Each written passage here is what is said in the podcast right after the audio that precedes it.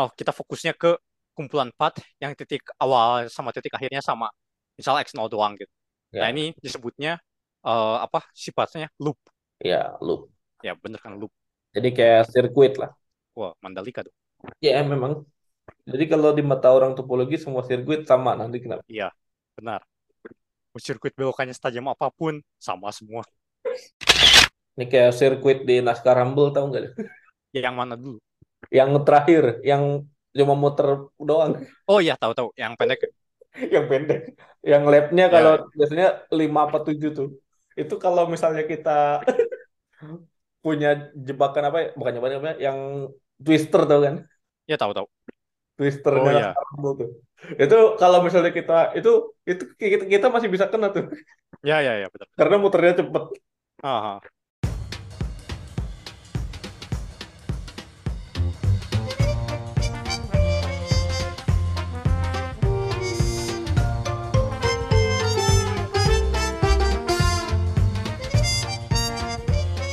Selamat datang di podcast Bebas Linear. Di podcast ini kami membahas matematika dengan bebas namun masih berada di jalan lurus. Ye. Masih bersama saya Rizky dan partner saya Lawrence ya. Dan seperti biasa sebelum ke bahasan utama kita membahas apa yang terjadi keseharian kita selama dua minggu dan update Piala Dunia kayaknya. Eh, kalau misalnya mau langsung ke bahasan utama bisa dicek di timestamp di deskripsi. Di skip aja itu ke time-time yang ada di deskripsi. Ya, dan pertama-tama kita mengucapkan eh, turut berduka cita ya buat musibah yang terjadi di Cianjur ya. Iya. Ya, semoga korban diberi ketabahan dan kekuatan dalam menjalani musibah yang diterima ya. Eh, tapi kemarin waktu gempa lu ngerasa nggak? Ah, nah, gue ngerasanya sehari sebelum ya, bukan gempa, bukan yang pusatnya Cianjur. Oh, Pusatnya mana ya? Kok nggak salah Pangandaran gitu. oh ada lagi. Ada, tapi gak parah. Bukan gue lebih tepatnya yang merasakan. Keluarga gue. Jam berapa? Setengah tiga pagi, gue sih tidur enak-enak aja. Ah, sih, ya. Oh ada ada ada di sebelumnya juga ada ya. Ya, Ada, cuma karena nggak parah mungkin nggak terlalu terlihat beritanya. ya tapi pas yang changernya malah nggak kerasa ya. Padahal katanya Yang itu pas Cianjur nggak kerasa. Sampai Bandung kerasa tuh. Ya, kalau yang pas Cianjur gak kerasa sih. Ya, tapi aman aman semua, Aman-aman. aman. Oke. Atau kalau gempa, kata salah satu mitigasinya kalau gempa, tapi itu kata kayak ininya mitigasinya kalau gempa ini ya apa berlindung di daerah-daerah yang kalau misalnya di gedung tinggi gitu berlindung di daerah yang aman, daerah yang aman tuh katanya di ini di apa di daerahnya lift di tempat lift itu katanya salah satu tempat paling aman soalnya fondasi bangunan tuh di situ. Hmm. Ah, atau kalau yang standar ini apa yang kayak berlindung di bawah meja atau di lemari gitu yang bisa menopang Oh ya. menopang kalau misalnya Hmm. ada runtuhan gitu bisa menopang bisa melindungi dari runtuhan. Eh, Hmm. Oke ya dan apa lagi ya? Oke itu sama di Abu Dhabi pernah ngerasain gempa gak? enggak. Oh, enggak. ya. Tapi ngeri juga sih kalau gempa di sini kan benar-benar pinggir laut ya. Iya. Yang ngeri juga kalau pinggir laut gempa gitu kan. Tapi ya mungkin karena Hmm. bukan kalau Indonesia kan daerahnya emang pertemuan dari beberapa lempeng bumi ya. Hmm. Gue pernah ngerasain gempa kapan ya? Oh pernah sih Di Indo pasti pernah sih. di Indonesia Ya, ya. mungkin tidak. Ya di Indonesia pernah. Cuman yang ringan gitu. Hmm. Gue pernah yang lebih parah. Yang 6 koma, tahu nggak sih? Yang berapa ya? SMP, 2011 atau 2012 gitu. oh Ya, tahu nggak sih beritanya? Lupa pusatnya di mana. Pokoknya Bandung, kan- Bandung ada aja, Jakarta kena juga. ya Nah, itu tuh, itu kayaknya paling serem. Yes. Habis oh itu tahu. pernah pernah yang gede lagi ya? Pernah sih, cuma tidak ses- tidak sekencang itu. Ya. Nah, tapi ya, kalau gempa itu kocak sih. Kan gue lagi main PS kan, Ya. pas gempanya. Terus goyang-goyang. Lah, kok enak digoyang-goyang. Ya kirain kok efeknya realistis. goyang-goyang, Kok efeknya realistis. goyang-goyang. Ya. Terus lama-lama sadar, oh iya, lagi duduk di lantai ya. Oh gempa-gempa, terus ribut kan, pada ribut gempa-gempa. Oh, gempa. Terus Iya. gue kan lantai dua ya. Ya terus ya pause aja. Terus doa dulu, terus turun tangga. Dah aja. Iya. Pas turun, ya gak lama habis turun juga udah berhenti. Hmm. So pikiran pertama gue lah enak digoyang-goyang. Tapi kenceng-kencengnya gempa waktu itu apa ya? Kayaknya barang doang jatuh. Foto aja bahkan tidak jatuh. Iya. Tidak ada foto yang jatuh. Barang ya barang barang ya wajar lah barang mah. Mie kan dus-dus mie. Hmm. Ya begitulah. Ya. Gua pernah waktu waktu di Bandung kayaknya. Kalau di Tangerang belum pernah. Eh pernah juga sih. Hmm. Cuman Pas cuman SMA juga pernah. Cuma Ya. pas pas SMA tuh lagi jam istirahat gitu ya. Atau Nah. mau mau olahraga ya ganti baju gitu. Orang-orang pada panik. Gue sih di kelas nyantai aja. Oh. Oh pernah pas di Bandung tuh ini pas kuliah. Ah, Iya. iya. Ya. Gue lagi di gedung jas itu. Pada turun kan. Hmm, Gue lupa kuliah apa. Kayaknya S2 deh. Pas S2. Harusnya. Kayaknya pas Iya. S1 gak pernah ada pas kuliah. Iya. Pas S2 pen- benar. Pas 2000 2019-an lah. Hmm, Terus ke- kelasnya nggak jadi gitu. seneng dong. Ya nggak juga. Tetap serem sih. Ah, Bandung kan daerah-daerah ya gunung. hmm. Jadi ya ada lagi update dari Lawrence mungkin. Update sih tidak ada. Cuma kita flashback lagi ke yang Vietnam.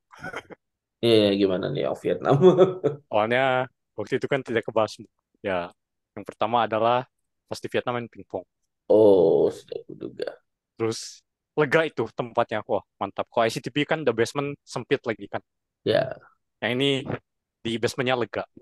Terus Hmm. karena ya salah satu kanan atau kiri tergantung Anda berdirinya di mana itu ruangan dosen-dosen. Hmm. Terus mainnya juga emang bareng dosen. Beda sama dosen. Ya, ada Ya. dosen yang ngisi ininya, ngisi si autumn school-nya.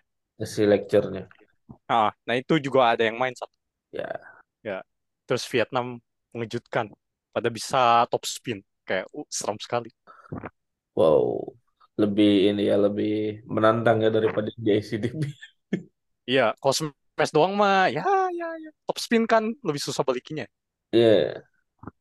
Makanya kayak lah, jago, pada jago dah, pada bisa top spin, back apa, back spin kayaknya nggak terlalu, side spin kayak lah, kok serem-serem ya. Hmm. Dia pukulannya gak keras juga udah susah dibalikin. Bentar top spin tuh kalau dibayangin kayak apa ya? Ya, spinnya ke depan, kayak Hmm. roda. I see. Nah itu yang susah kan pas kena mejanya accelerating dia. Ya, jadi kayak ada efek kejutnya gitu ya.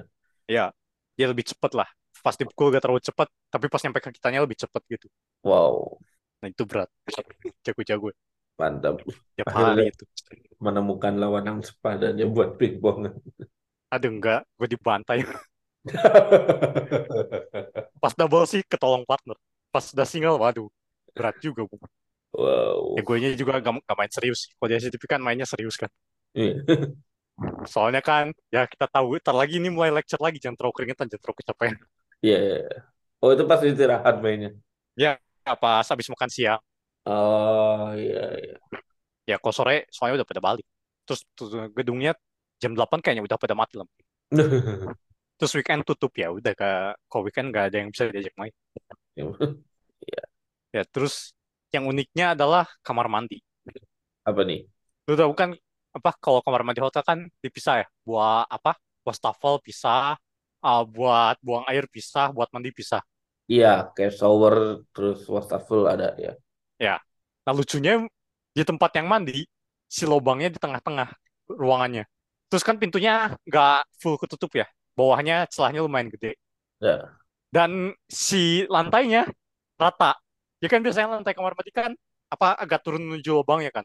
Ya, kayak kayak a- ada Ya. slope dikit lah. Hmm. Nah ini lantainya rata. Ini siapa sih yang bikin kamar mandi? Terus buat apa dikasih lubang di tempat mandi? Lantainya rata. Jadi Jadi keluar juga tetap airnya. Jadi mesti di ya karena keluar karena ada lob celah dikit itu itu di keluar. Iya. Untungnya di tempat yang wastafel ada lubang lagi. Kayak di tempat wastafel ada lubang lagi juga dipikir-pikir buat apa kan sebenarnya. Cuma oh ternyata ini alasannya. Kayak siapa sih yang bikin lantainya rata? buat ini ya, buat buat drainingnya menarik. Iya. Oke. Terus ada lagi? apalagi ya? oh terus ya balik ke sini gue merasa lingkungan cukup berpengaruh ya untuk belajar Ya kayak betul. lebih lebih gampang pas belajar di sana sama pas di ICTP juga gampang belajar dibanding di rumah sudah agak beda ya walaupun bisa-bisa aja sih cuma lebih butuh effort tuh buat konsennya buat Lebih ngerjain soalnya terus kan gak ada yang bisa diajak diskusi Ya, lebih termotivasi ya. Betul. ya Emang kayaknya terus pas di ICTP kan enaknya kita tinggal di house kan malam-malam ketok kamar orang juga jadi aja kalau di sini ketok-ketok kamar tetangga kan aneh juga. woi ngapain Tapi itu emang sih, emang lingkungan belajar itu nggak ngaruh juga. iya ngaruh Sangat sangat ngaruh. ya Oke. Kalau dari gua, gua ini ada kejadian lucu. Gua gak, gak tahu sih lucu banget sih. Cuman kemarin tuh pas kan kerja kelompok ya. Dia ker- kerja kelompok tuh kayak dari dari pagi sampai siang lah. Nah terus ternyata kampus tuh ini nyediain siaran Piala Dunia di di ada di auditorium hallnya gitu. Aku cuman aku belum pernah hmm, belum pernah ikut sih. Cuman kayak katanya nobar Piala Dunia bisa di situ gitu. hmm, Terus yang lucu ini Mas terus cuman lucunya kayak baru dikasih tahu ini tuh semenit sebelum kick off gitu. Jadi kayak misalnya apa ya? Misalnya Argentina Arab Saudi kan kemarin. Itu kan kick off kick off kalau di sini jam 2 kan kalau di Indonesia jam 5 ya. Jam 5 sore kalau di sini itu jam 2 berarti. Jam 2. hmm. Nah, emailnya baru kesel ada mau ada nobar nih di sini jam satu lima puluh sembilan Terus wow. posisinya kan ada main kampus ada kampus yang dekat asrama ya. Jadi ada ada kampus yang hmm, itu tuh tempatnya agak jauh sih. Kayak naik bis tuh bisa 20 menit lah. Jadi kayak kayak kalau misalnya gua ke sono udah udah ketinggalan 20 menit. Cuman hmm, cuman gua tadinya kan mau mau bukan tadinya ya, kayak tadinya tuh kayaknya asik nih nobar nih. Tapi kayaknya waktu itu udah abis capek nih abis abis kerja kelompok dari pagi nih kayaknya mau langsung bulat aja. Terus ternyata laganya seru gitu. Argentina Arab Saudi terus. Apa? Yang Argentina Arab Saudi. Oh ya, ya. ya itu ternyata seru itu. Jadi kayak ah, tahu-tahu gitu tadi Hmm, nobar aja tapi itu sih tapi ya di di kampus ada sih yang nobar Piala Dunia gitu di auditorium. Tapi di sini juga ada kalau nggak salah di gym. Di gym tuh kan ada TV ya ada di TV gym. apa? Lucu juga di gym nobar. Iya ya di gym di gym tuh ada TV juga soalnya. TV-nya nyariin Piala Dunia. Hmm, tapi nggak nggak yang serame orang nobar nggak sih. Kayak kayak paling beberapa orang aja gitu. Ya olahraganya kagak jadinya nobar doang. Jadi jadinya nggak olahraga. Ya. Ya, oh ya, tapi nih sebagai orang yang emang kerjaannya di Batam, lu setuju gak kalau refreshingnya orang yang kerja di Batam tuh justru bukan ngerjain Batam? oh mikir dulu refreshing refreshing ngapain maksudnya pas break gitu pas istirahat Ya, atau misalnya pas lagi capek mau refreshing itu. Refreshingnya apakah dengan ya ngerjain Batam lagi atau enggak? ya enggak lah Nah, ya kan, kenapa ya nggak apa-apa. Ada biasa, ada yang bilang katanya siapa yang di sini refreshingnya ada influencer gitu bilang gitu. Siapa yang di sini refreshingnya ngerjain soal matem gitu. hmm, Ya berarti kan bisa disimpulkan ya, ya mungkin ya gak apa-apa juga gitu kalau misalnya orang yang bukan kerja di matem refreshingnya ngerjain matem ya gak apa-apa juga gitu. hmm. ya refreshingnya main pingpong lah Iya betul. Di sini saya ada sih kalau lawan main di di gym ada juga sih pingpong. Lalu makanya mau- kalau bisa mau ke sini ada ke sini ada gelar ada master juga soalnya. Oh ya ini juga pengumuman nih di tempat gua Khalifa University buka gelar master kan mulai tahun ada depan. scholarshipnya Apa? ada scholarshipnya Ya scholarship. oh ya Ya, silahkan yang mau daftar aja ya amanat dari Pak Hadi. Ya silakan cek di ku.ac.ae itu bisa cek eh, sih ada kalau ada turnamen aja terus gue minta bayarin tiket pesawatnya gue datang kan turnamen pingpong. ya Ada sih turnamen pingpong, tapi bulan puasa. Oh, lebih. Wah, fix menang. Sebenarnya karena lu kemar. Iyalah, pada capek semua. Terus gue di depan orang-orang minum. Oh, mampus mental kalian. Sedih. Tapi kok bulan puasa sih? Emang Iya, liburnya selain bulan puasa ada nggak ada lagi? bukan libur sih. Oh, ada sih. Mungkin se- setiap semester sekali gitu. Setiap setiap semester sekali. Kayak ada Ya sesi. biasanya mestinya di break-break gitu. Kok mau ngadain? Ya, ya. enggak, justru kayak di sini pas pas masih itu. Ya kan nggak enak juga. Kalau Ya, puasanya nggak libur, masih kuliah, puasa, turnamen, capek. iya. Ya, tapi itu tadi bisa dicek ada rencananya matematika mau buka gelar, ah, buka mau buka gelar, mau buka program master juga di Khalifa University di KU Data.E. Ya, Ya, scholarship yang pentingnya ya. scholarship ada ya ada scholarshipnya dan ya ada PhD ada PhD ma- di Matem juga sama seperti yang saya jalanin sekarang Ya, cuman ya itu paling kalau dari saya nah, scholarshipnya berapa kali? Biar orang makin terpancing. berapa orang itu itu kalau kalau Scholarshipnya berapa?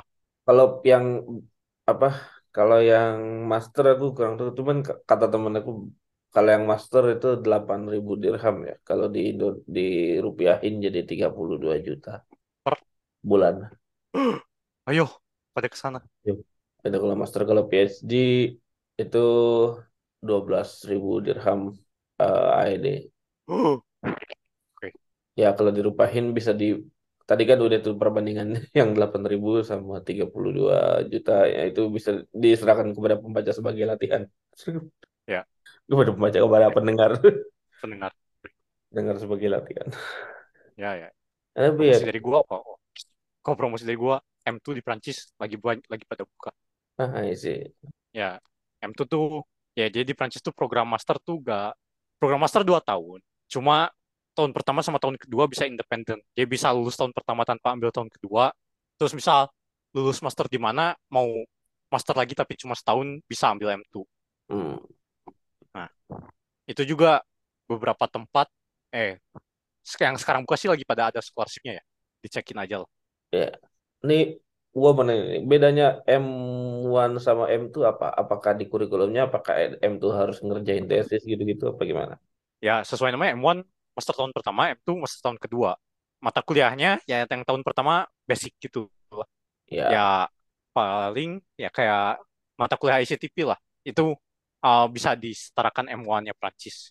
Hmm. Nah, M2 tuh udah lebih spesifik. Jadi, jadi biasanya kalau daftar M2 uh, beberapa kampus tuh kita pilih topiknya yang kita mau apa. Nah, contohnya uh, di INS Lyon itu kita mesti tulis topiknya mau apa di M2-nya. Karena Hmm. ada beberapa topik. Dia udah menjurus gitu loh. Ya. Terus M1 nggak tahu ya harus ada tesis atau enggak. M2 yang jelas ada tesis. Nah, Nah, yaitu ya tapi so, karena itu lihat-lihat lagi ya kampusnya yang di Prancis. Soalnya you know lah Prancis is Prancis gitu. Mata kuliahnya mantap. Ya, terus ya beberapa kampus juga bisa beda-beda loh tiap tahun apa buka mata kuliahnya. M2-nya ya. Kalau M1-nya kayaknya tidak sevariatif itu. hmm. Kan pas uh, di Vietnam kan ada yang dari Prancis kan. Terus Ya. gua dan beberapa teman nanya apa tentang daftar M2 dan lain-lain. Terus dia dia bilang kan uh, kalau tahun depan daftar di kampusnya dia nggak bakal diajar sama dia soalnya temanya bukan topiknya dia. Nah itu temanya juga bisa berubah-ubah tergantung kampus. Ya. Nah, terus gue pernah kirim ke lu kan. Di, jadi suatu skema pendaftaran M2, Ya. nggak M2 doang sih, ada M1 juga di Prancis. Ya. Pertanyaan halaman pertama, apa teorema favorit dan kenapa? Itulah alasan kita menanyakan teorema favorit ke bintang tamu ya. Ya. Penting ditanyain daftar kampus juga, bukan sembarang pertanyaan. Ya. Cuman kadang bingung juga kalau ditanya teorema favorit mungkin agak bingung karena ini. Karena mungkin ter- kita terlalu tahu banyak teorema gitu. Mungkin kan teorema Ya, favorit itu kan ada berbagai alasannya untuk menganggap ya, ini sebagai teorema favorit ya. ya Ada makanya yang kan ditanya, sertakan alasannya. iya. Ya kan maksudnya kayak contohnya apa ya? Misalnya kayak ya ini ternyata teorema ini sangat berguna gitu. Ya, Sangat aplikatif terus gitu. bia- biasanya kalau kalau yang mau ke PhD Mat, biasanya pasti ada satu teorema yang dia merasa ini beautiful, makanya dia mau PhD mat, mau karirnya di mat. Biasanya gitu. Nah, ya kayak hmm, menarik. Pertanyaan pertama, teorema favorit. Wow, Wow. sangat sanity check. Ntar kalau misalnya teorema favoritnya yang basic, aduh, kamu yakin mau daftar ini ya? Jadi uh, biasanya ada juga kan teorema favorit karena ini tuh sebenarnya trivial, cuman ternyata buktinya PR gitu. Ya, Atau misalnya uh, apa namanya? Atau misalnya ada satu bukti yang cantik gitu tentang teorema ini gitu. ya itu juga bisa. Juga bisa. Ya, Atau si statement teoremanya aja yang keren. ya, ya itu emang ya itu ada juga. Cuman kadang bing- mungkin kadang kalau misalnya ditanya itu terus habis itu wah aku kenapa gak jawab yang ini kayaknya ini lebih bagus. Kadang suka gitu. Aduh, Ternyata nemu teorema yang lebih bagus gitu. aduh. Iya. Oke. Oke, terus update dari gua ya ternyata ada juga kampus yang tidak menerima ICTP sebagai master. Gua Ya, kemarin baru dapat email kan, kan gua daftar kampus. Terus ya. ini tumben kan kampusnya ngasih alasan penolakan gitu. Terus katanya, ya degree yang kamu dapat belum cocok buat PhD. Oh, berarti mesti master dia. Mesti ada gelar master. Ada gelar master ya. Ya. Hmm, ya, ya menarik info tambahan. berarti ada juga yang menerima itu sebagai apakah ada juga yang menerima sebagai master ya? Ada Ada si banyak malah. Kayak teman gua ada yang daftar ke Amerika kan. Terus ya. bingung kan ICTP mau masukin mana. Terus kata kampusnya masukin master aja. Oh, Oke. Hmm, Ya, jadi tergantung balik lagi ya, tergantung kampusnya. tergantung kampusnya. Tapi ya kalau yang ada koneksi sama dosennya biasanya udah akui sih. Ya. Ya kayak tahu dosennya ini di ICTP atau ICTP apa, diploma apa, biasanya sih diakui. Ya. Itu yang gak, gak nerima itu dari Perancis juga Pak. Bukan dari Finlandia. Oh, Finland. Oh, kenapa dia tiba-tiba tertarik ke Finland? Ada Kan ada orangnya. ada orangnya ya sih. Ya, ada yang diincar. Menarik kan. Tapi kalau misalnya tadi padahal kalau jadi ke Finland lumayan ya. Ada Lumayan apanya. dingin-dingin ria gitu ya. Finland kan dingin kan. Lumayan jadi masalah kalau lulus pedangnya dikemanain sih. Jadi di Finlandia kan kalau lulus PhD dikasih pedang kan. Iya, tahu tahu tahu. Ya, ntar pedangnya kemanain? Ada. Menjadi kapiten dong. Ada. Ya juga ya pedang kan nggak bisa dibawa masuk pesawat ya. Ya iyalah. Maka dari itu ya. Cuman ya itu kan kalau kalau dari Finlandia mah saya salah satu anekdot yang terkenal kan emang gu- guru digaji mahal terus salah satu yang ini juga apa Hmm. salah satu yang pendidikannya paling bagus juga gitu. Mereka benar-benar sangat memvalue pendidikan gitu. Oke ini udah masih ada update lagi nih? Dari gua sih segitu lah. ya kayaknya dari saya juga segitu. Ya dari saya paling menyiapkan buat qualifying exam aja palingnya seperti biasa sama udah udah mulai udah mulai tugas-tugas akhir kan. Makanya gue kemarin kerja kelompok. Udah mulai. Eh, qualifying-nya kapan? Tanggal berapa? oh ya qualifying gue menyebar sih tanggalnya ininya. Jadi kan gue ngambil tiga topik kan. Jadi ada kalkulus differential equation sama linear algebra. Yaitu Hmm. eh tanggalnya dari tanggal 12 sih. Mulai 12 Desember sampai 2 ujian terakhir tuh 19 Desember Oh, Nah, tanggal-tanggal segitu. hmm. Bentar lagi ya. Bentar lagi. Oke.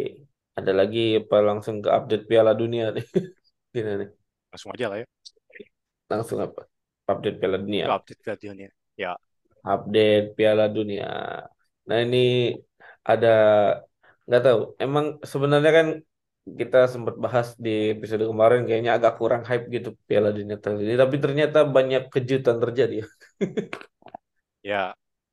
Kejutan ya yang Argan Arab kayak aduh VAR-nya apa-apaan itu VAR. VAR-nya tipis banget ya itu ya. Iya kayak aduh. Terus cuma kayak ke yang deket doang ya. Kayak gak ke semua gitu. Gak ke back lain. Makanya gue agak meragukan juga sih itu VAR-nya. Kok gak yang yang diliatin ke yang back sebelahnya doang, gak semua back. Ya tapi gak tahu juga ya. Yang jelas Arab rugi banyak sih. Satu cedera parah. Terus kartu kuning udah berapa Kartu banyak. udah banyak. Tapi Iya. ya itu makanya itu match yang kemarin tadi gua ini gue juga kenapa gak nonton bareng ini kayaknya seru ini. Terakhir-terakhirnya soalnya gue lihat itu sih tidak ya. nyerang banget emang Argentina tuh kayak cek tek tek tek. Ya, Arabnya juga belakang banget semuanya. Iya, ya itu mah Nggak ada yang di depan. Ya. Terus ya, yang satu cedera gara-gara ketabrak kiper ya. Cedera parah. Iya, Lihat nggak? Gue iya, lihat yang tahu tahu. Itu itu itu menit-menit. Ya, ya, Yang kipernya terbang kan terus ya kena ya, mid. Iya, tahu tahu.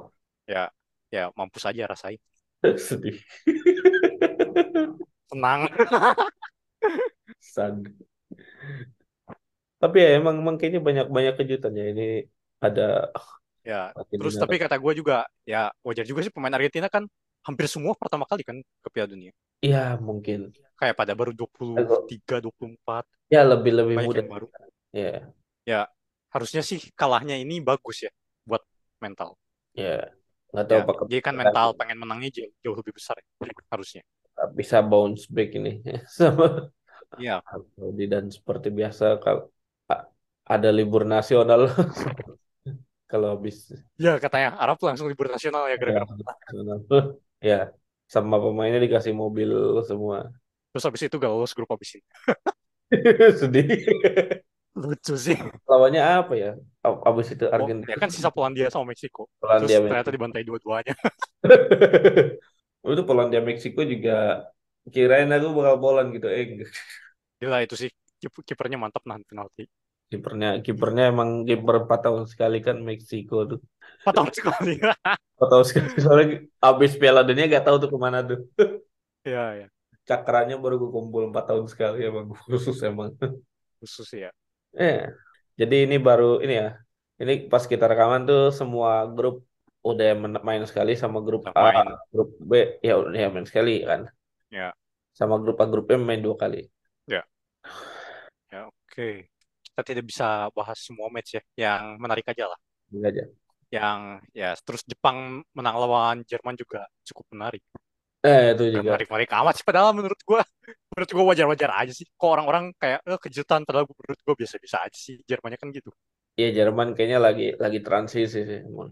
Iya, makanya kok heboh amat. Perasaan Jerman ya bagus dari mananya sekarang ya?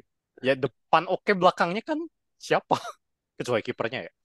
Iya depan depan juga nggak nggak terlalu meyakinkan sih Ya nggak nggak terlalu, cuma kita tahu namanya aja. Cuma nggak tahu gimana. Yang belakang bener-bener parah kan. Sule doang gua tahunya. Iya belakang nggak tahu lagi tuh siapa tapi emang Nah, salah satu alasan kalah karena cuma ada Sule, gak ada Ante. nggak ada nudung ya Iya, ada Sule Andre Parto gitu ya iya.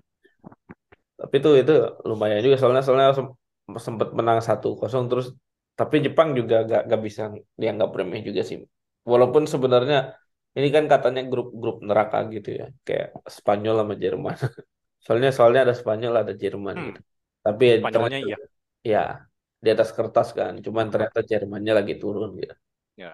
Tapi Spanyolnya mantap bantai 7-0. Spanyol Dia tanggung-tanggung. yes Nih, kalau Spanyol lolos lagi emang Barca yang lolos. Ya Spanyol ya tapi Spanyol emang kayaknya banyak pemain Barca ya kali ini Lah, berapa sih? 7 gitu. Iya, kayaknya pelatihnya emang Sangat ya banyak. tahun ini sistemnya backbone-nya di Barca nih. Luis Enrique Ya, kan ada Jordi Alba. Tengahnya Barca semua nih. Gavi, Busquets, Pedri. Depan ada Ferran Torres. ya Terus di cadangan juga ada. Ya banyak sih. Ansu Ya. Fati ada kan. Walaupun belum dimainin. hmm. Tapi kalau diperhatiin di Piala Dunia ini kayaknya pergantian eh waduh pergantian apa? Injury time itu gokil-gokil gak sih? Eh, panjangnya. Iya Situ, eh, lu tahu ini nggak? Wasit legendaris dari Itali. Colina. Siapa ya namanya? Lupa gua. Colina. Hmm? Pierluigi Colina. Ah iya. Katanya salah satunya yang minta doi. Biar panjang injury time-nya. Iya, Buat ngecek VAR. Buat ini, buat itu katanya. Minimal 10 menit lah katanya. Katanya efek efektif gitu. Ternyata kayak waktu efektifnya biar ketambah se- sebagaimana mestinya gitu. Cuman jadi kayak jadi plusnya plus 7, plus 9, plus 10 Ya. gitu. Ya, bagi yang Arab sih itu udah Tegang. lama-lama main, ada yang cedera, wah udah Tegang gitu. buat pendukung juga tegang itu boy pendukung harap Ya, terus yang seru lagi ya tadinya saya pikir Inggris di calon juara nih soalnya kan ngebantai Iran kan eh, ternyata sejak kapan? ternyata ya Tolong ya. Amerika Nah, terus nih, kan gue ada teman orang Iran di iya ICTV. Nah, masyarakat Iran tuh seneng Iran kalah.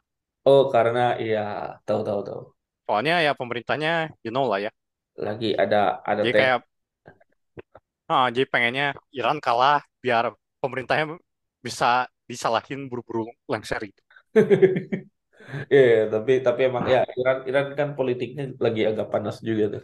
Hmm, Kayak yang apa ada ya apa makanya, protes apa kewajiban untuk berhijab gitu kan. Salah satunya yang gua tahu ya. ya tapi ya bukan cuma itu sih. Kayak teman gue sudah sangat tidak suka dengan rezim yang sekarang. Kayak pengen cepet-cepet ganti rezim. Sedih. Hmm. Ya. Nah, terus jadinya pas apa pas udah kalah 3-0, dia tunjukin kan apa tweet-tweet tweet atau apa ya yang dari Iran. Pada seneng gitu. Wow, buruan bantai aja Iran. Kebantai bener. Ya begitulah. Cuman kemarin Iran menang tuh sama Wales. Gimana tuh? Nah, ya, Iran menang beneran pada sedih loh. Pada gak mau Iran. Kayak lah, kenapa menang? Makanya, aduh politiknya ini. Aduh, politik rumit emang. Ya, Oh, yang seru lagi ada ini, Port- Portugal Ghana. Itu gue nontonnya, gue nonton itu pas lagi main bola. Jadi kan gue biasa main bola tiap Kamis malam. hmm, Nah, jadi kan kalau main bola kan karena orangnya banyak gitu, lapangannya sebenarnya padahal udah lapangan gede gitu, tapi ternyata orangnya lebih banyak daripada lebih banyak daripada 22 orang gitu. Jadi kayak hmm. datang jadi kayak ada cadangannya lah gitu. Terus yang cadangannya itu kayak gantian gitu kalau misalnya tim yang satu kalah gitu. Setelah setelah berapa menit setiap, setiap Oh 10 ya, menit gantian gitu. Ya kayak kayak main futsal di sini lah di Indonesia. Tahu kan? Hmm, kayak tiap 10 menit gantian gitu sama yang kalah sama tim yang kalah. Nah ini pas lagi main tim yang cadangannya nonton itu Portugal Ghana nih. hmm, dan ternyata seru juga gitu tiga tiga dua. Hmm. Ronaldo jadi ini pemain pengangguran pertama yang mencetak rekor. Padahal mencetak ini ya, mencetak gol di lima Piala Dunia berbeda. Padahal statusnya lagi pengangguran. hmm. Tapi itu itu itu seru tuh. Kemarin dia sempat sempat satu satu terus dua satu tiga satu tiga dua. Itu gue gue nonton sama yang main cadangan hmm. sampai sampai udah udah udah 10 menit udah gak, gak pada gak, gak, gak mau ganti lagi seru soalnya. Ya udah yang bawa nonton mau nonton saya mau mau main mau main bola.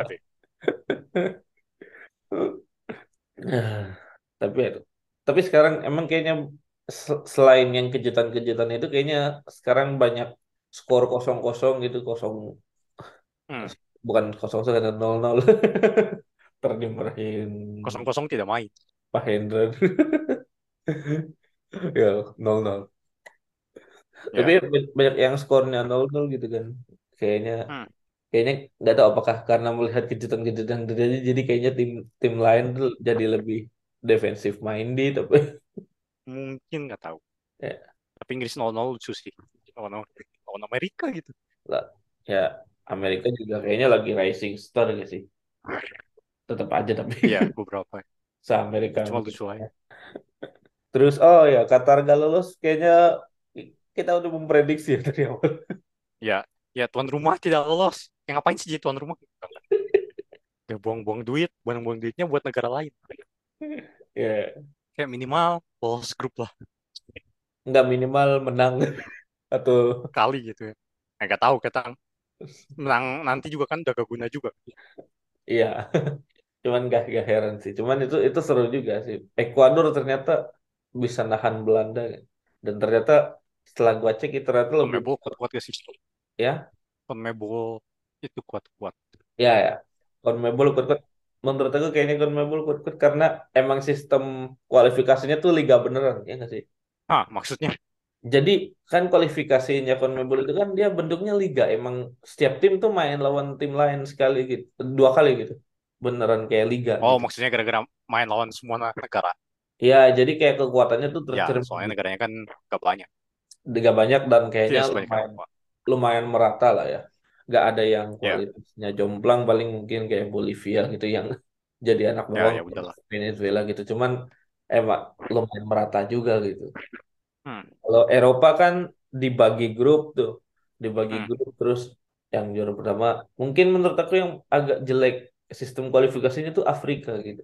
Karena Afrika tuh Apa? kualifikasi terakhirnya ya sebelum masuk Piala Dunia tuh dia playoff. Jadi tim A- Oh, jadi fase grup dulu terus fase grup tuh 10 grup gitu. Terus eh pemuncak grupnya tuh playoff. pemuncak grup yang playoff. Ya, pemuncak grupnya doang yang playoff. Makanya kayak kak kan ya, Afrika juga kayaknya dijatah cuma lima tim kan. Hmm, Jadi pemuncak grupnya kan ada 10 grup nih. Pemuncak grupnya playoff. Terus playoff masa lawan masing ya diacak gitu lah. Jadi lima lima tim lawan lima tim gitu kan. hmm. Ya, terus karena terakhirnya playoff jadi kayak sat, nasib satu nasib ini nasibnya tuh ditentukan dari satu pertandingan aja gitu. Jadi kayak hmm. makanya kayak Afrika tim Afrika menurut aku agak kurang meyakinkan itu karena karena itu juga gitu. Kalau Asia kan dia terakhirnya tuh dua grup kan dua grup terus Hmm, dua dua teratas di masing-masing grup tuh masuk otomatis lolos gitu kan. Jadi kayak lebih hmm, tercermin gitu ininya kekuatannya gitu. hmm.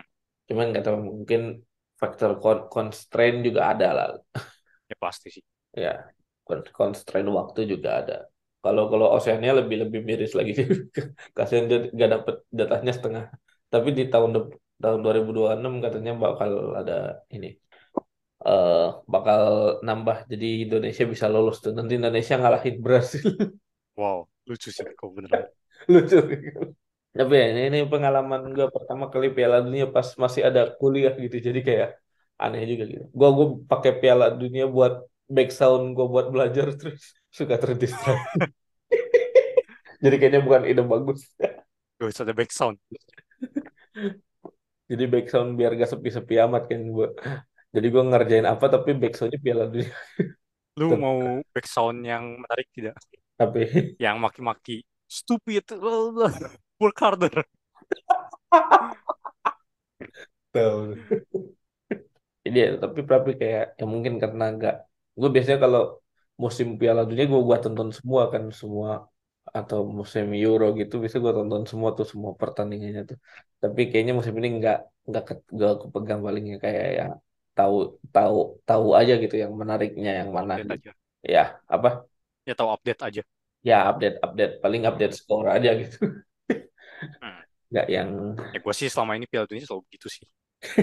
Kan belum pernah Piala Dunia siang-siang lagi kan. 2002 doang ya yang Jepang ya.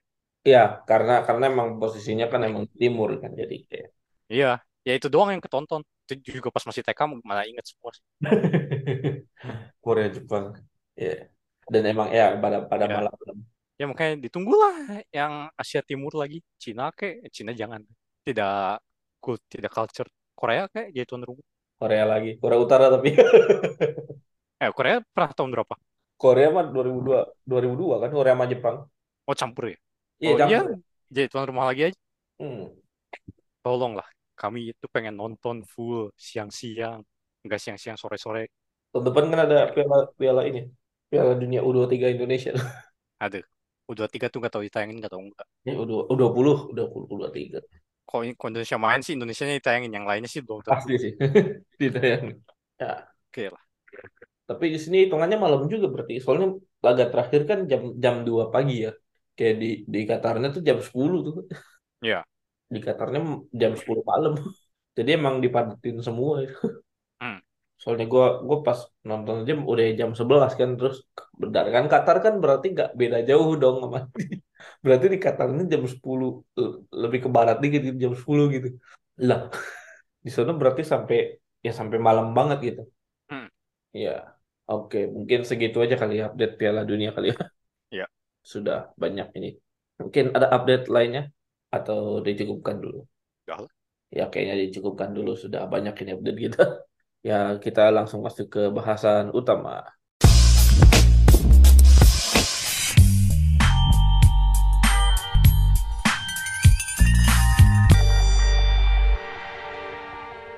Nih hari ini kita mau bahas apa nih, Laura? Ya, tolong nih bahasannya bahaya cukup berat. Nanti bakal ada simbol petir terbalik lagi. Nah, ini kita mau bahas fundamental group. Ya, fundamental group. Ini apakah ada hubungannya dengan grup MTech apa grup Apa-apa? grup MTech atau ada hubungannya dengan grup Piala Dunia enggak? Banyak. Tapi ini mungkin sebenarnya pengantar ya. Ini salah satu cabang dari algebraic topologi ya. Ya, Dan ini sebenarnya pas gua di pas gua meneliti bukan meneliti apa ya, riset tentang topik ini maksudnya buat buat podcast ini ya. hmm, ng ngeliat-ngeliat sebenarnya gue pertama kali bingung ini ini apa gitu. Tapi ternyata setelah gue lihat-lihat lagi ternyata ini cukup menarik juga gitu buat dikulik gitu. Walaupun kalau buat rigorusnya nanti dulu deh.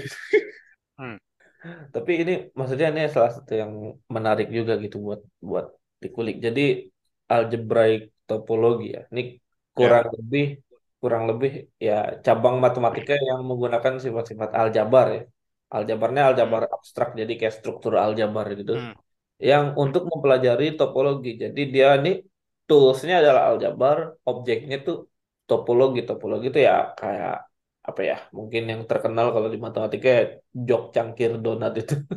Tapi hmm, basically bentuk-bentuk yang bisa di bisa di apa ya di karakteristik melalui uh, homeomorfisme gitu. Jadi kayak misalnya kayak misalnya kayak kalau di 3D misalnya kita bayangin kayak su- suatu bentuk gitu kayak misalnya kayak tadi cangkir sama donat gitu. Karena cangkir kalau misalnya kita bikin dari tanah liat itu bisa kita bentuk jadi donat gitu. Hmm. kurang lebih topologi itu ya kayak gitulah. Nah ini kenapa nih kita up? Kata kita juga nih.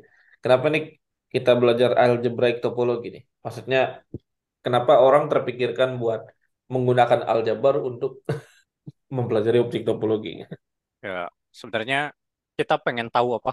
Ya, kayak tadi dua ruang topologi itu kayak cangkir sama donat homeomorfik atau enggak? Kan yang enak ini kan apa? Kalau dua ruang homeomorfik, cari homeomorfismenya kan. ya Nah, kalau dua ruang tidak homeomorfik, sa- sampai mampus kan ngecek satu-satu pemetaan apa pun, tidak bukan homeomorfisme kan. hmm. Kayak ngeceknya gimana? Kalau misalnya apa ruang topologinya aja uncountable gitu misalkan, itu pemetaannya udah berapa banyak kan? Sudah uncount lebih dari uncountable gitu kan. Nah, Hmm. jadi yang enaknya sekarang kalau buat algebraic topologi, uh, kalau apa si si- apa sifat aljabar abstrak tadi kayak yang ini apa yang bakal kita bahas fundamental group ya kalau fundamental groupnya beda ya berarti tidak homeomorphic nah ya dia lebih enak kan ya kita gak perlu cek si pemetaannya satu-satu gitu jadi kalau beda fundamental groupnya tidak homeomorphic kalau sama nah kita gak tahu. Mesti ngecek lagi. Jadinya lebih susah. Hmm. jadi yang gampangnya kalau si objeknya beda tidak homeomorphic kalau objeknya sama nggak tahu. Mesti dicek lagi. Kalau nah. fundamental groupnya sama ya mesti ditelusuri lebih lanjut lah ya. Ya ya. Nah, jadi kita mulai apa eh, definisi yang awal lah. Misal kita punya ruang topologi X. Ruang topologi itu apa? Silahkan refer ke episode berapa? episode 84 atau 83 ada topologi dissection Ya, judulnya ya. Nah, jadi yang belum tahu apa topologi dan ruang topologi apa, silahkan dengar episode itu. ya Nah, terus kita punya definisinya adalah path, PATH, yaitu fungsi yang memetakan eh, bilangan di interval 01 ke X. Dan, biasanya si fungsinya kontinu ya. Kita pilihnya sifat ini kontinu. ya Nah, contohnya kalau X-nya kita pakainya R2 si bidang, terus topologinya topologi standar aja, Euclidean. Ya, jadi sepanjang bahasan ini kita bahasnya kalau ada Rn atau apa, uh, topologinya yang standar-standar aja yang Euclidean, gak topologi yang aneh-aneh. ya Soalnya kan kita pengen apa punya intuisi geometrisnya juga kan. ya Nah, terus part di R2 ya kurva aja di R2 yang menghubungkan dua titik. Dua titiknya bisa sama bisa beda. Nah, sekarang nih uh, kita fokusnya ke part yang menghubungkan titik 00, 0,0 ke 1,1. Nah, ya ini kan kita punya banyak sekali part. Ya, ada uncountable lah, atau lebih. ya Contohnya, kita bisa punya grafik fungsi fx sama dengan x, jadi ga- garis lurus saja. atau fx sama dengan akar x atau fx sama dengan x kuadrat dan masih banyak lagi gitu kan. Hmm. Ya sebenarnya sama dengan x pangkat n apa pun n-nya. N-nya bisa Nah, kecuali yang N-nya penting bilangan asli. N-nya lebih besar dari nol kayaknya menghubungkan. Ya, ya, ya. Nah, nah terus kita definisikan dua buah path yang menghubungkan dua titik yang sama di ruang X itu homotopik apabila salah satu path bisa diubah menjadi path lainnya secara kontinu dan path transisinya tidak keluar dari X. Dia kayak apa?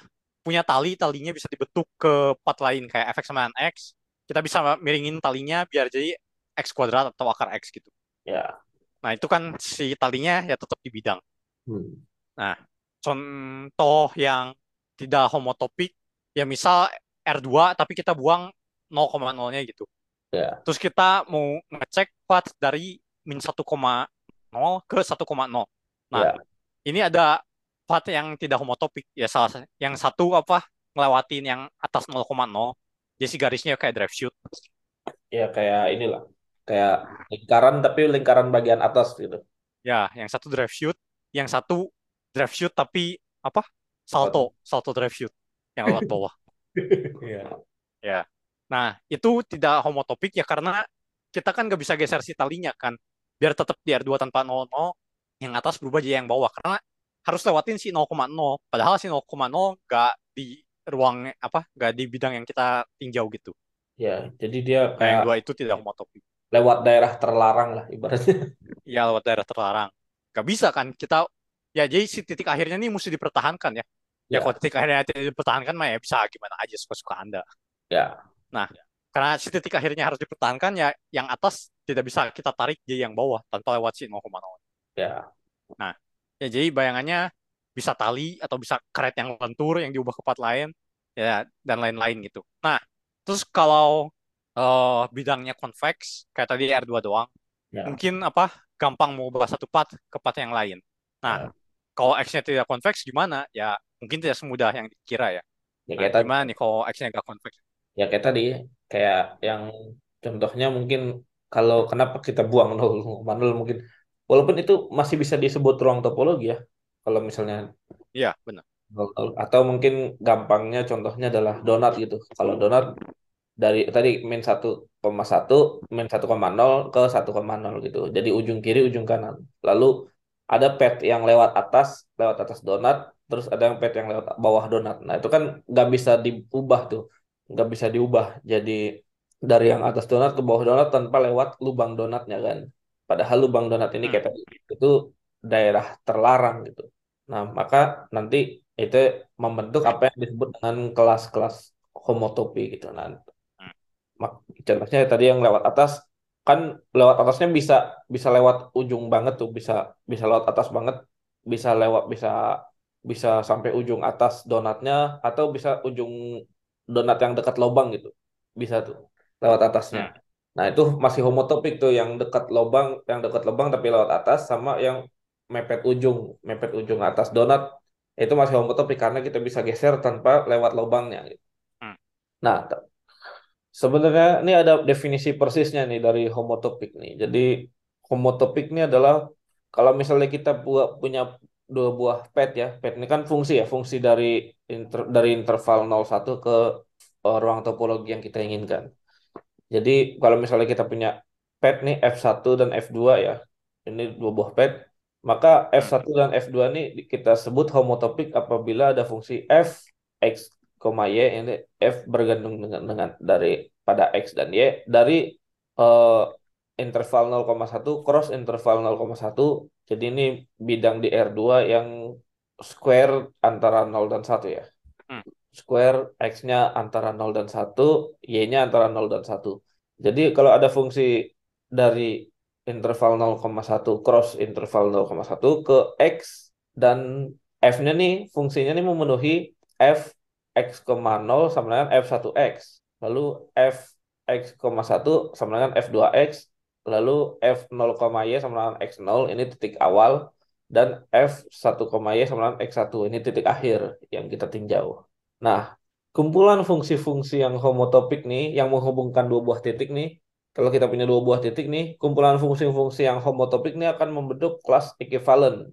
Kelas equivalent ini adalah kelas yang memenuhi tiga sifat, yakni yang pertama refleksif, yakni F homotopik dengan dirinya sendiri, jelas ya. Selalu homot ya kalau dirinya sendiri kan jelas homotopik. Nah, simetri nih, jika F1 homotopik dengan F2, maka F2 homotopik dengan F1 karena berarti kita, kalau misalnya dari F1 kita bisa geser ke F2 talinya gitu, kita bisa geser kayak F1 nih tali ini. Terus kita geser-geser ke bentuk tali yang lain F2 tanpa melewati daerah terlarang lah. Maka dari F2 kita bisa tarik lagi kan ke F1 kan. Hmm. Jadi simetri nih. Eh, sifat simetri ini seperti itu. Lalu transitif. Transitif nih, eh, kalau misalnya kita punya F1 homotopik dengan F2, yakni kalau tali bentuk F1 kita bisa ubah jadi tali bentuk F2, lalu F2 homotopik dengan F3, F2 dari tali yang bentuknya F2 kita bisa ubah ke tali yang bentuknya F3, maka dari F1 ke F3 bisa kita ubah tanpa melewati daerah terlarang tadi talinya. Tuh. Ya.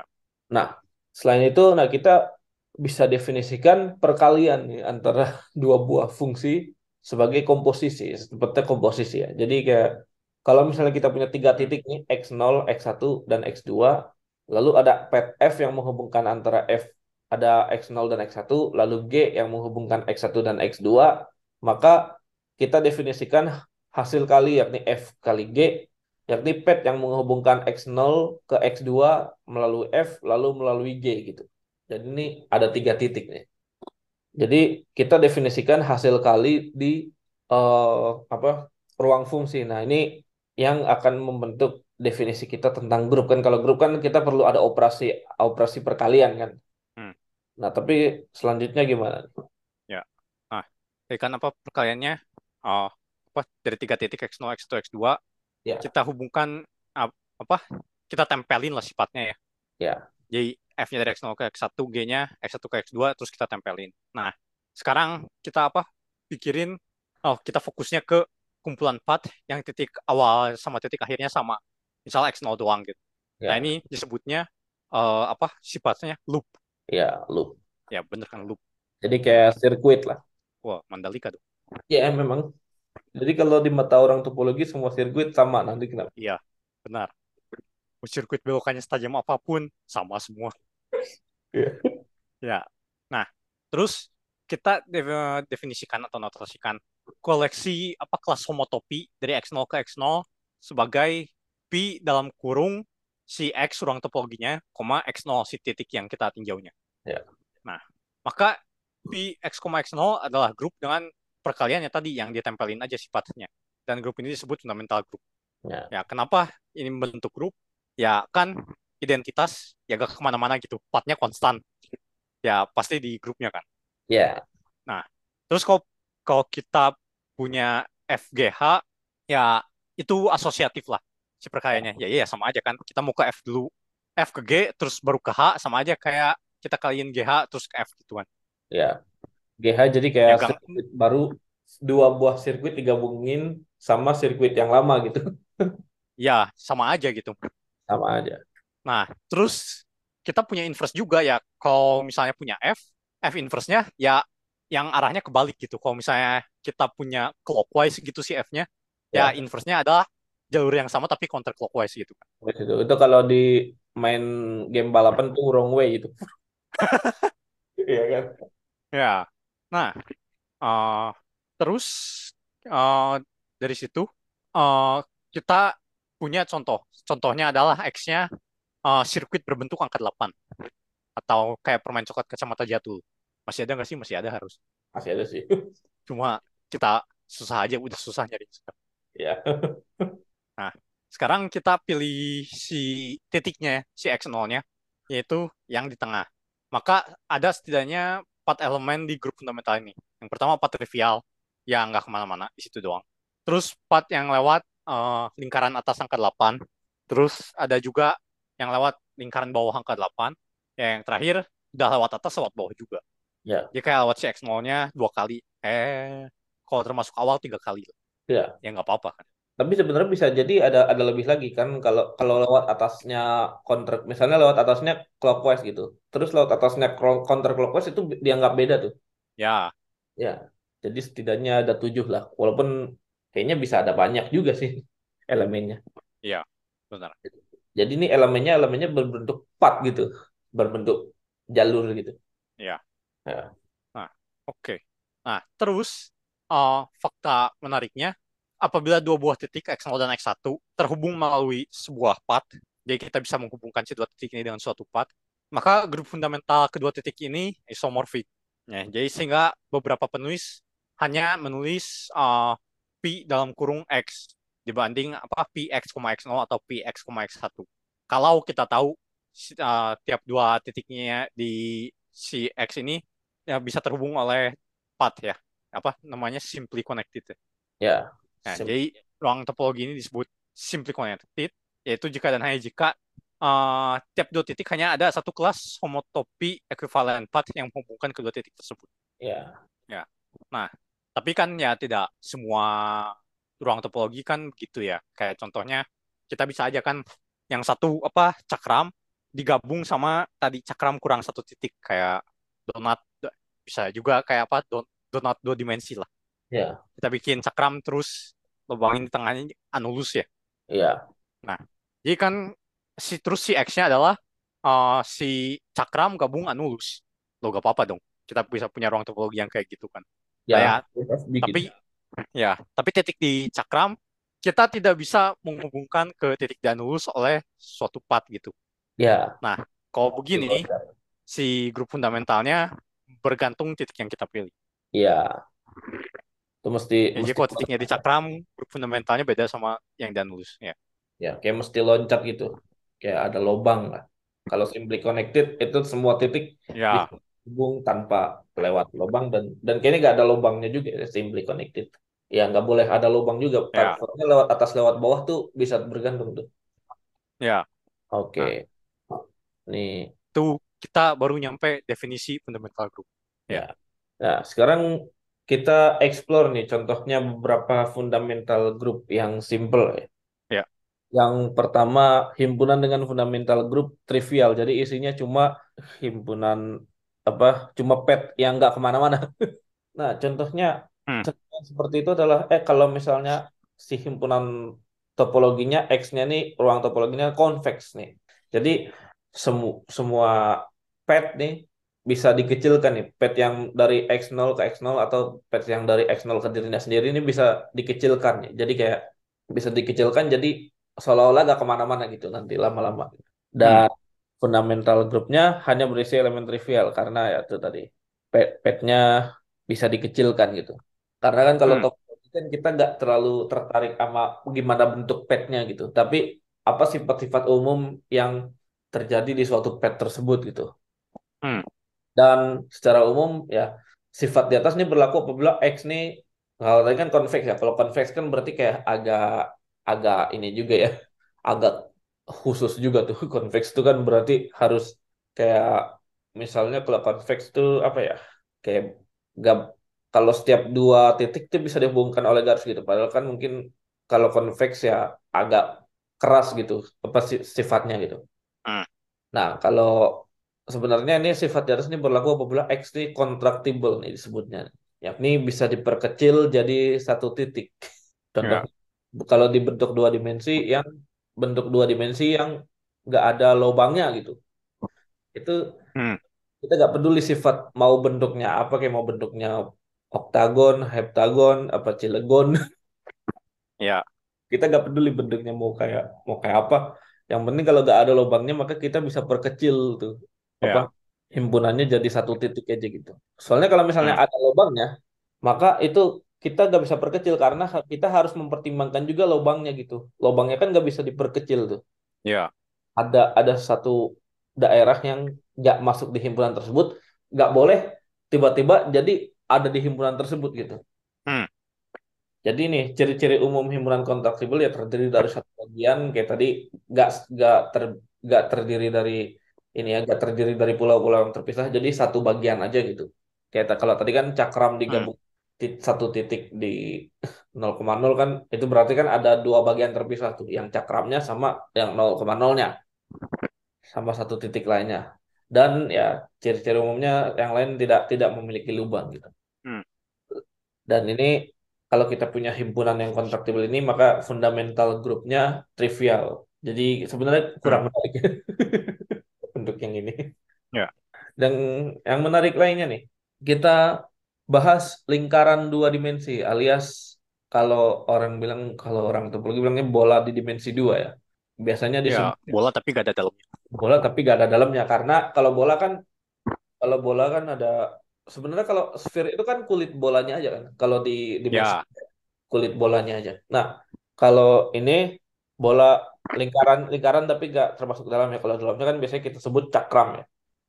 ya, Nah, terus kalau di topologi ini istilahnya S1 gitu. Sphere tapi ininya satu dimensi. Karena dia terdiri dari garis-garisnya aja kan, kurvanya aja kan, kurva lingkarannya aja. kan. Karena dia masih nyusun skripsi. Iya. Karena masih disusun. Kalau S2 tesis. Ya, S3 disertasi. Padahal ada ada S4, ada S5, S6. Sphere kan banyak tuh. Iya. Iya. Jadi nih X kita adalah titik-titik di lingkaran X kuadrat plus Y kuadrat sama dengan satu. Ini Hmm. lingkaran di dua dimensi kan. Nah, X ini jelas tidak simply connected karena ada lubang kan di tengahnya. Ya kan Hmm. kalau kita tinjau di dua dimensi itu kan lingkarannya kan maksudnya ya cuma lingkarannya aja gitu, nggak termasuk yang di dalam-dalamnya. Hmm.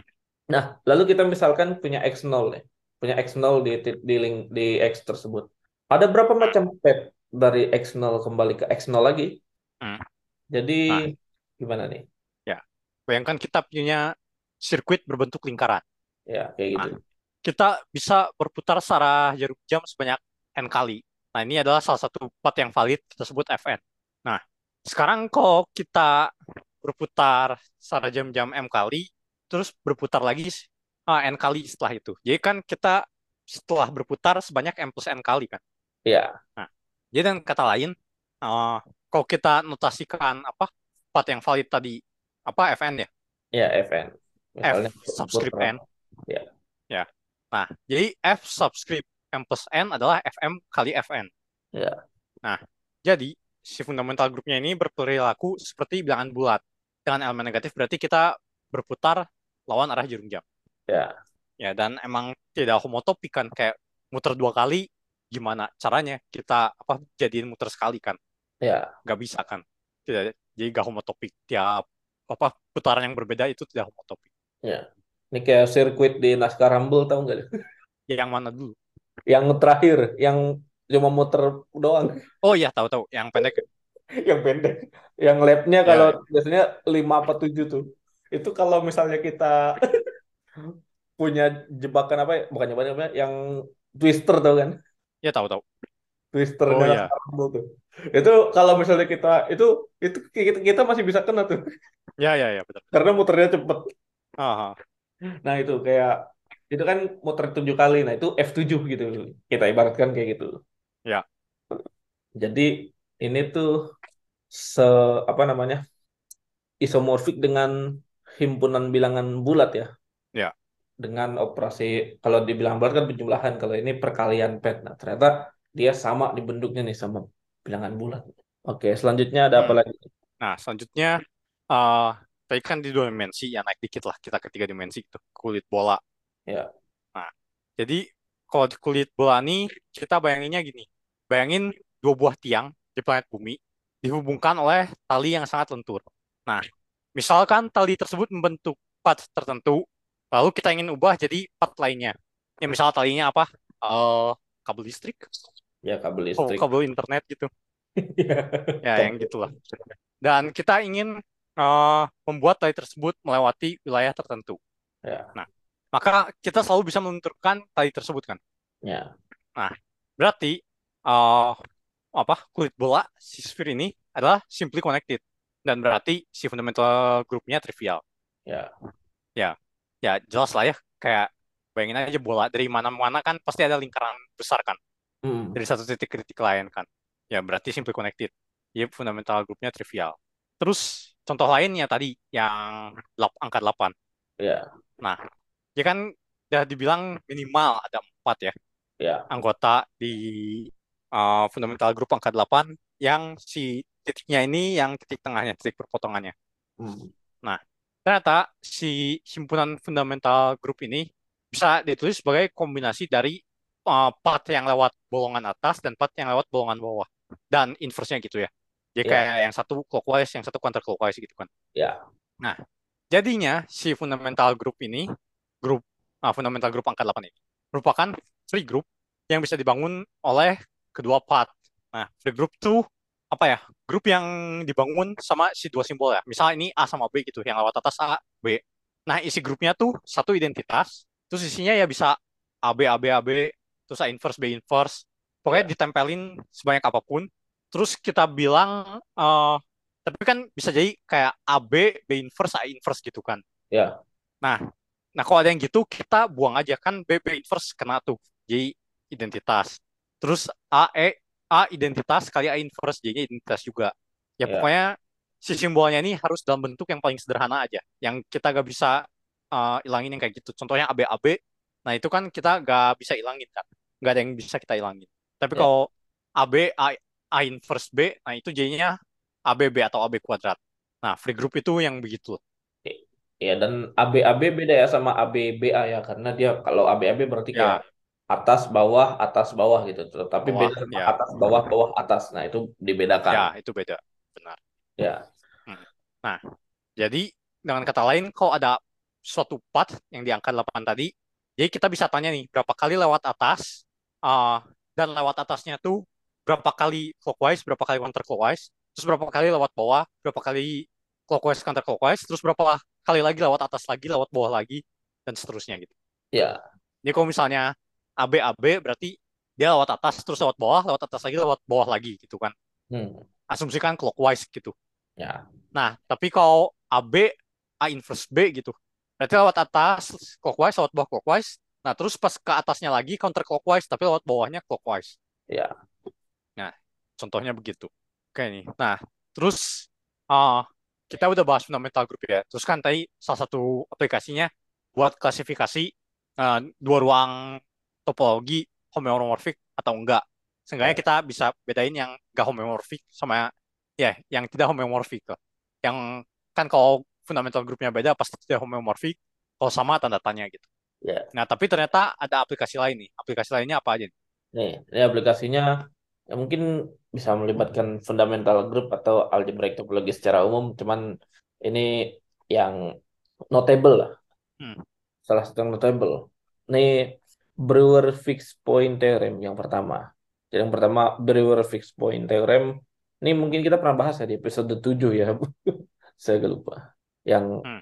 10 teorema tercantik itu. Nah, ini fixed point theorem sendiri ini bercerita tentang ya kalau misalnya kita punya F memetakan suatu himpunan konveks X ke dirinya sendiri, maka pasti akan ada titik yang dipetakan ke dirinya sendiri gitu. Ada titik F X0, ada titik X0 yang yang memenuhi F X0 sama dengan X0 gitu. Kalau misalnya kita punya F dari X ke X konveks gitu, maka ada F X0 ke X0. Nah, ini salah satu akibatnya yang menarik dan aplikatif nih. Kalau misalnya kita memegang peta di tempat peta itu sendiri. Oh, Nah, terus apa? tadi tambahannya mesti ini ya. Si fungsinya continue dan si ruangnya kompak. Oh ya betul betul. Fungsinya harus Ya. continue betul. Ya. Jadi kalau Dan kalau nggak kompak juga bisa ada yang salah. Ya, ya. Jadi kalau misalnya kita memegang peta nih, memegang peta di tempat ah, di tempat peta itu ya misalnya kita punya peta Indonesia terus kita berdiri di Indonesia gitu. Maka ada titik yang kalau kita tunjuk itu mengarah ke kita sendiri gitu. Hmm. Dan contohnya ya kalau misalnya peta evakuasi, peta evakuasi kan biasa ada ya kalau di gedung-gedung gitu. Nah, itu pasti selalu ada you are here gitu. Ya. Anda di sini selalu ada. Lalu fixed point theorem ini juga mengibatkan kalau misalnya kita mengaduk kopi gitu, mengaduk kopi atau mengaduk teh, itu pasti ada bagian yang nggak keaduk. Ya. Ya. Jadi ini kaum bubur diaduk tidak dia kaum bubur diaduk sangat kecewa nih karena ternyata ada yang yang nggak keaduk. Iya. Asumsikan mengaduknya continue. Akhirnya mengaduknya kontinu. Tapi mengaduk bubur kayaknya nggak Siapa tahu mengaduknya nggak continue gitu. Satu Iya. garis dulu, satu garis lain. Iya. Kalau mengaduknya kontinu pasti siapa ada juga yang ke ini ya, ke aduk ya. Iya. Iya. Lalu ada lagi Harry Ball Theorem. Hmm. Ini pernah kita bahas di episode 86 yang teorema namanya aneh karena ada Harry Hmm. Ball. Jadi Harry Ball ini bola berambut. Tidak ada medan vektor kontinu di bola yang tidak bernilai nol di mana pun gitu. Hmm. Akibatnya kita Jadi- kalau ya apa? Ya, ya itu sih. Kalau nyisir rambut landak kan pasti tidak semuanya bisa kesisir. Ya, nggak usah rambut lantai, kayaknya rambut kita juga gitu. Oh iya sih. Nggak, nggak, bisa semuanya. Soalnya kan Harry Ball landak. Iya, Harry Ball. Hedgehog Theorem kan nama lainnya juga. Sonic dong. Sonic ya, Sonic. Kenapa gak namanya Sonic Theorem? Sonic ya juga ya. Kepikiran. Iya lah. Karena Sonic identik dengan cincin dia makanya harus kayaknya harus teoremanya yang berkaitan dengan ring kali. Oh, bisa jadi. Shadow dong. Shadow gak ada cincinnya. Iya. Jadi itu kita kalau menyisir rambut pasti ada bagian yang terkuncir gitu. Hmm. Ya, ya ada bagian yang gak kesisir lah ibaratnya karena yang gak kesisirnya ya titik nolnya. Hmm. Lalu Ini juga apa? teorema ya teoremanya sederhana tapi salah satu yang kita bisa tahu apa buat tahu manifold itu Lie group atau bukan ya bisa dipakai di Harry Ball theorem ya pas di Vietnam ada itunya. Pas di kuliah ya exercise-nya tunjukkan bahwa ini bukan Lie group ya pakai Harry theorem oh menarik. oke lanjut. Lanjut ada Borsuk Ulam teorem. Yakni misalkan f fungsi kontinu dari Sn, tadi Sn tuh sphere di dimensi n plus 1 ya sebenarnya. Kan kalau S1 tuh ya. lingkaran di di- dimensinya sa- satu lebih tinggi. Ya, ya terus sphere itu kan kalau bola itu S2 disebutnya karena dia sebenarnya dua dimensi tapi embed di tiga dimensi. ya sekarang lagi ngerjain tesis Iya, sekarang lagi ngerjain tesis. Tadi baru skripsi. Nah, ini misalkan F fungsi kontinu dari Sn ke Rn. Jadi kalau dari bola dua dimensi, misalnya dari bola dua dimensi ke R2 atau dari lingkaran ke R1. Nah, misalkan F fungsi kontinu dari Sn ke Rn, maka ada titik X di Sn sedemikian sehingga Fx sama dengan F min X. Hmm. Nah, menarik implikasinya nih yang menarik ya. Salah satu aplikasi yang menarik nih. Kalau misalkan kita punya gelang atau benda berbentuk lingkaran gitu ya. Terus Hmm. kita misalkan kita panasin gitu. Kan karena temperatur itu kontinu, maka ada dua titik yang posisinya bertolak belakang yang Hmm. temperaturnya sama. Hmm. Ya. Dan ya salah satu aplikasi menarik lainnya juga kalau tadi kan temperatur ya. Kalau di lingkaran. Nah, kalau misalnya di planet bumi gitu, maka selalu ada dua buah titik di muka bumi yang bertolak belakang gitu. Jadi antipodal Hmm. kayak kutub utara, kutub selatan, tapi belum tentu kutub utara, kutub selatan juga gitu. Tapi posisinya belakang-belakangan lah. Nah, ja- jadi selalu ada dua titik yang bertolak belakang yang memiliki suhu dan tekanan udara yang sama persis. Hmm. Jadi itu atau mungkin parameternya bisa diubah gitu. Selama parameternya kontinu kan kalau tekanan tekanan udara kan kontinu gitu atau temperatur kontinu gitu. Enggak tiba-tiba dari dingin tahu-tahu panas gitu. Pasti ada transisi gitu, dari dingin ke panas gitu. Atau bisa juga suhu, tekanan udara atau kelembapan, suhu dan Hmm. kelembapan juga. Yang penting eh, parameter kontinu. Nah, ini aplikasi menarik dari Borsuk Ulam Theorem. Hmm. Ya. Kalau tentang Bo- Borsuk Ulam Theorem ada nih yang di di Tribluwan Brown dia menyelesaikan masalah kombinatorik tapi toolsnya Borsuk Ulam. oh iya Ya itu itu cari di Tribluwan Brown ada Bo- Borsuk Ulam Theorem.